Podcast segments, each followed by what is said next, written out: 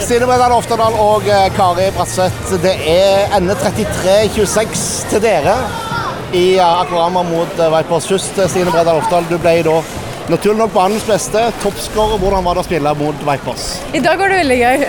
det syns Uh, nei, jeg syns uh, første gang den er jevn, den er tøff. Litt sånn som vi egentlig forventer. Og så får vi skrudd det skikkelig godt sammen bakover. Kari har jo Hvor mange blokk har du i dag? Ti blokk eller noe? Det er helt vanvittig. Så det gir oss en veldig god følelse.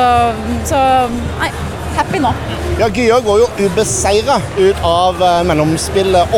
8-2-0 er fasit etter ti kamper. Hvor godt er det?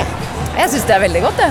Eh, selvfølgelig så kunne vi jo sagt at vi skulle gjerne ha slått, eh, slått eh, FTC også i begge de kampene, men, men det er litt sånn det er. Og, og, jeg er veldig godt fornøyd med at vi står ubeseira gjennom denne sesongen så langt. Og vi skal jo prøve å få det til å holde seg akkurat sånn.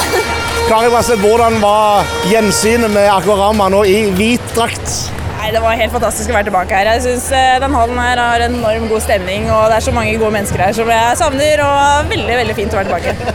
Men hvordan syns du om Vipers i dag? Nei, Vipers de er sterke egentlig hele veien, men første gang spesielt. og Da, da får de noen kontringer på oss, og de, de står godt bakover. og så jeg syns Vipers har et vanvittig bra lag i år. og Det er fort gjort å undervurdere dem, men vi, vi, klarer å heve oss et lille hakket vi trenger i andre omgang, og da drar vi fra. Så det er veldig gøy. Ja, for det sto 17-17 til pause, og så virker det som dere hadde en ekstra gir dere fant i løpet av andre omgang.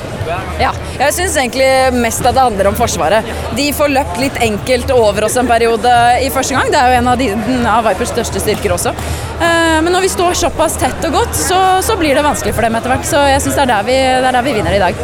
Tror dere at dere møter Vipers igjen i en eventuell finale?